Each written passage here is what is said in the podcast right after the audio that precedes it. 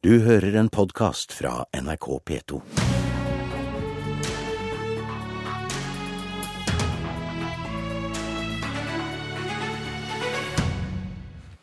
Jeg tror ikke du har fått dette spørsmålet etter at støvet har lagt seg, Knut Arild Hareide. Hvor trygg er du nå på at regjeringen sitter perioden ut? Ja, det er jeg relativt eh, trygg på. Ikke minst fordi de viste nå en evne i de budsjettforhandlingene til å gi oss betydelig innflytelse. Jeg tror òg det norske folk har sett veldig tydelig at det er forskjell på et blå-blått budsjett og et budsjett der sentrum påvirker.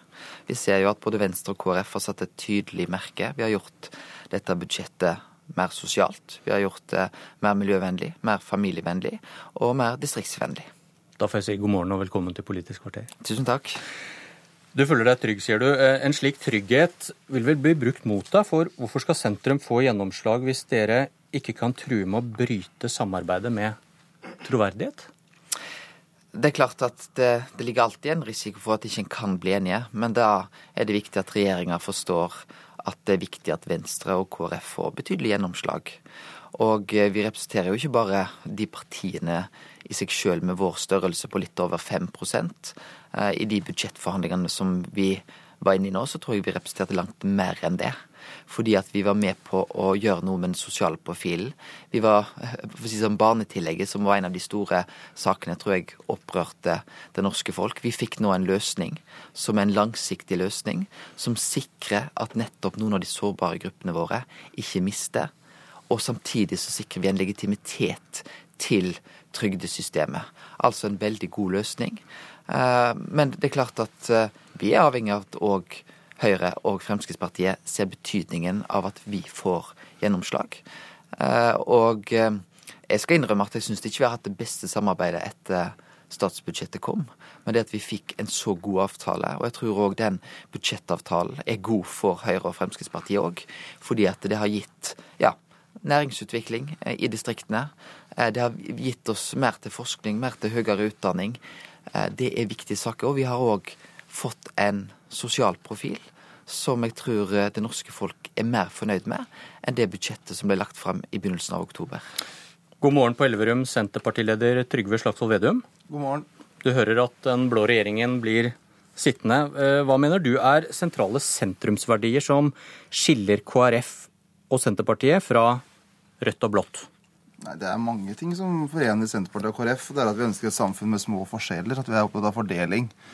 At vi vil ha levende distrikt. Vi har en helt annen holdning i alkoholpolitikken. Vi, vi tør å tenke langsiktig der, ikke bare hva som er populært i morgen. I bistandspolitikken, frivillig sektor og sånn kunne jeg fortsatt. Det som forundrer meg litt, er jo at ikke Kristelig Folkeparti er mer opptatt av alt som forener eh, Senterpartiet og KrF, og alt som skiller KrF fra Høyre og Frp. For det som KrF egentlig har blitt nå i denne perioden, her, er å være regjeringas fremste bremsekloss. Altså, Retninga er den samme. Det er et eh, budsjett fortsatt for større forskjeller. Det er et budsjett eh, der nå KrF sier ja til økte taxfree-kvoter, det de sjøl har kalt et massivt angrep på Vinmonopolet. Og det er, det er et budsjett som styrker de som har mest fra før.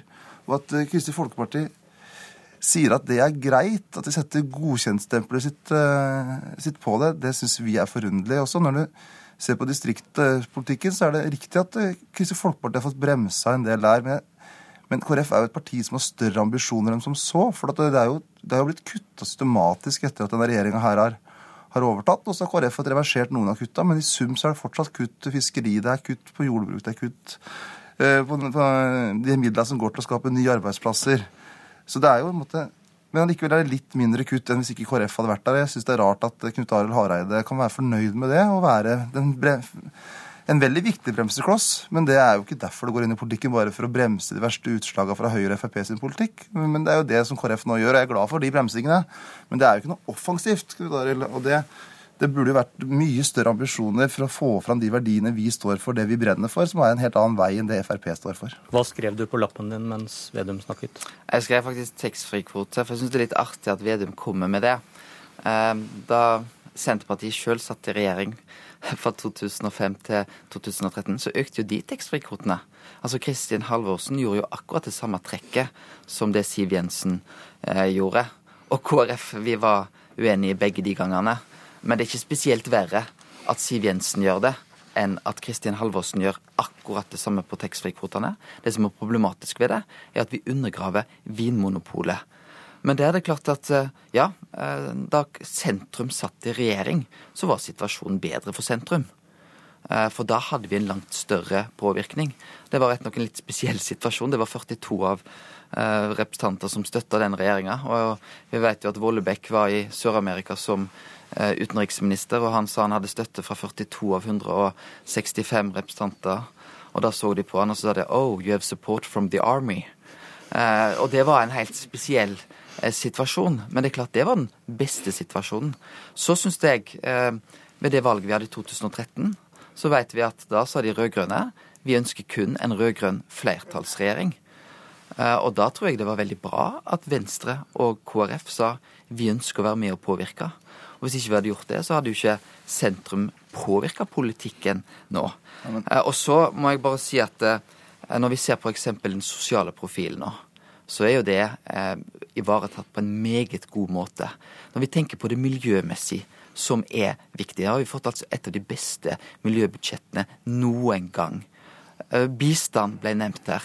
Altså Det er 1 av BNI som nå går. Altså Det er det vi har levert. Eh, det er ikke noe dårlig budsjett på langt nær eh, på, det feltet. Vi får flere kvoteflyktninger tar vi imot til neste år. Og vi vet at Arbeiderpartiet sa nei til det i sitt alternative budsjett. Sånn kunne jeg nevnt eh, flere forslag. Så skal jeg innrømme det, at vi var ikke spesielt fornøyd med at, eh, at formuesbeskatningen ble økt. Men det er altså nå da to milliarder til neste år på formuesbeskatningen. De totale skattelettelsene til neste år er på litt over fire milliarder, og relativt tett, så det mindre skattelettelse nå enn alle de årene under Bondevik II-regjeringa, som et eksempel. Ja, men det, det som for å ta den alkoholpolitiske eh, først. For Det som skjedde under Bondevik II, var jo at man hadde ganske store avgiftslettelser på alkohol. Dessverre.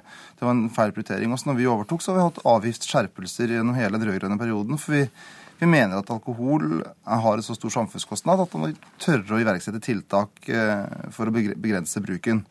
Og så er jo den eh, kvoteøkninga som nå Siv Jensen gjennomførte nå i, i, vår, var en veldig kraftfull økning i taxfree-kvotene. Som KrF da var imot i revidert nasjonalbudsjett. og, og veldig tydelig på det. Og også i sitt alternative budsjett. Hvorfor støtta dere Kristin Halvorsen sin samme kvoteøkning i 2006? Kan jeg spørre om det? Jo, men nå har du økt enda mer, ja, Hareide, med halvannen liter mer. Så, så det er jo bare at du øke kvoten enda mer. Altså I vårt alternative budsjett så har vi Så det er veldig, det er veldig galt når Siv Jensen gjør det, nei, men, men, når Kristin Halvorsen gjør det, da er det ikke galt. Nei, men altså KrF at, syns det var galt begge ja, gangene, men Senterpartiet syns det var bare var galt når det var Kristin Halvorsen som gjorde det. Ja, men Nå forstår du Knut Arild Hareide, at du bare driver med retorikk. For det som Siv Jensen gjør, er jo å øke opp på den kvoteøkninga som da Kristin Halvorsen kommer først. Så det er jo bare at du gjør det i så fall enda verre. Eh, Hvorfor ikke... sier da Senterpartiet ja til gardssalg og alkohol? Ja, men... Da er det greit med en liberal alkoholpolitikk, ja, men, det, men, men, ikke Ja, men, ja, men slapp nå litt av nå, da. For at ser gardssalget, det er kanskje snakk om Kanskje det er snakk om 1000 flasker i hele Norge. Så det er, liksom, det er ingenting. Det er kanskje et par-tre plasser i, i, Hardanger det er snakk om at man skulle ha, ha en liten nisjeproduksjon. Det betyr ingenting for Vinmonopolets styring. Det betyr ingenting for det store altså? Det, det, betyr ingenting for alkoholpolitikken. Men den taxfree-politikken, den gjør det. Eh, og jeg mener at det er rett at vi, har, at vi økte avgiftene på alkohol når vi satt og styrte. For det er et viktig tiltak. Og når det gjelder bistand, jeg er glad for at det kom på 1% Det er bra at man fikk til det. Men altså hadde det vært Hadde KrF støtta seg på en annen allianse, så hadde de ikke tenkt å bruke forhandlingskraft på det i det hele tatt. For at hadde KrF samarbeidet med de partiene mest naturlig samarbeid med, så hadde den 1% løgget der i starten. Så kunne vi heller diskutert offensive nye grep. Og når det gjelder distriktspolitikken, så er det systematiske småkutt på alle områder. Eh, både fiskeri altså Du ser det på reiseliv har det vært kutt. Du ser det på, jordbruk har det vært kutt, det har vært tyngre beskatning. Selvfølgelig har dere bremsa mye, og all ære for det. Men det som er så forunderlig, er at dere sa Vi setter inn det partiet som er mot alle sentrumsverdiene, inn i regjering, og det er Fremskrittspartiet. Det er ingen parti som er mot, mer mot det sentrumsverdiene står for enn Frp. Og så lar dere dem sitte og styre finanspolitikken, lar dem sitte og styre landbrukspolitikken, lar dem være i Samferdselsdepartementet og Arbeids- og sosialdepartementet. Det er helt forunderlig, og det er deres ansvar. Jeg håper at dere på et visst tidspunkt sier Frp er ikke vår vei, det er sentrum er vår vei. Er, dere har mye, mye til felles, og en gang i fjern fortid var partiene deres garantister mot å slippe til fløypartiene i regjering. Og Hareide, hva skjer med sentrumspartiene når dere gjør det? Både du og Vedum har gjort det.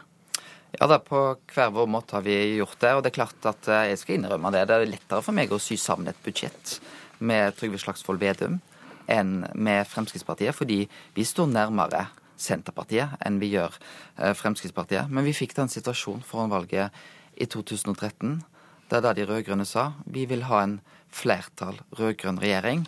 Og tilbudet til KrF det var tribuneplass i nye fire år. Men når, I hvilken situasjon mener du at fløypartiene får størst gjennomslag?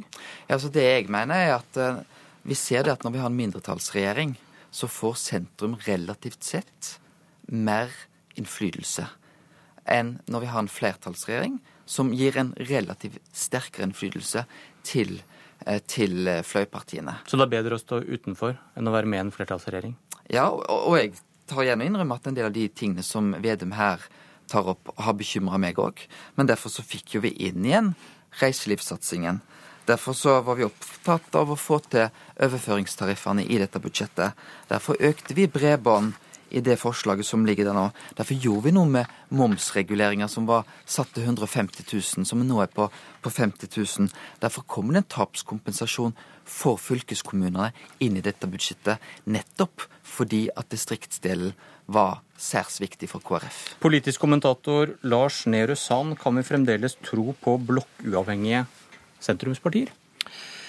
Ja, vi kan eh, Det er jo ikke utenkelig at Kristelig Folkeparti på et tidspunkt vil signalisere at de støtter eh, Jonas Gahr Støre og Arbeiderpartiet, eh, og dermed har regjert både til venstre og høyre, slik Senterpartiet har gjort over 20 år. Eller du må i hvert fall langt tilbake før, før det skiftet. For det som nå har skjedd, er jo at denne higen etter stabile flertallskonstellasjoner har bindet opp eh, Senterpartiet til Venstre og KrF og Venstre eh, med en avtale da til, eh, til, Høyre. Og Det gjør jo at man, man har, har kanskje knytta seg sterkere til blokken enn det man før gjorde. Men at sentrum som på egen hånd skal oppstå som regjeringsalternativ igjen, sånn som vi hadde under de to Bondevik-regjeringene og Korvald-regjeringen, det er jo mer et syn på at de tre regjeringene ble til fordi Arbeiderpartiet og Høyre ikke var styringsdyktige.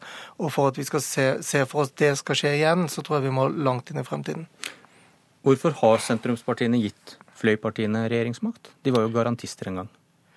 Ja, Det er jo eh, fordi man har eh, sett Eh, kanskje spesielt fra Arbeiderpartiet og Høyres side, at det er en styrke i stabile konstellasjoner over tid. Og da må man søke et flertall, og da kommer man ikke utenom eh, fløypartiene, eller har ikke gjort det etter 2005.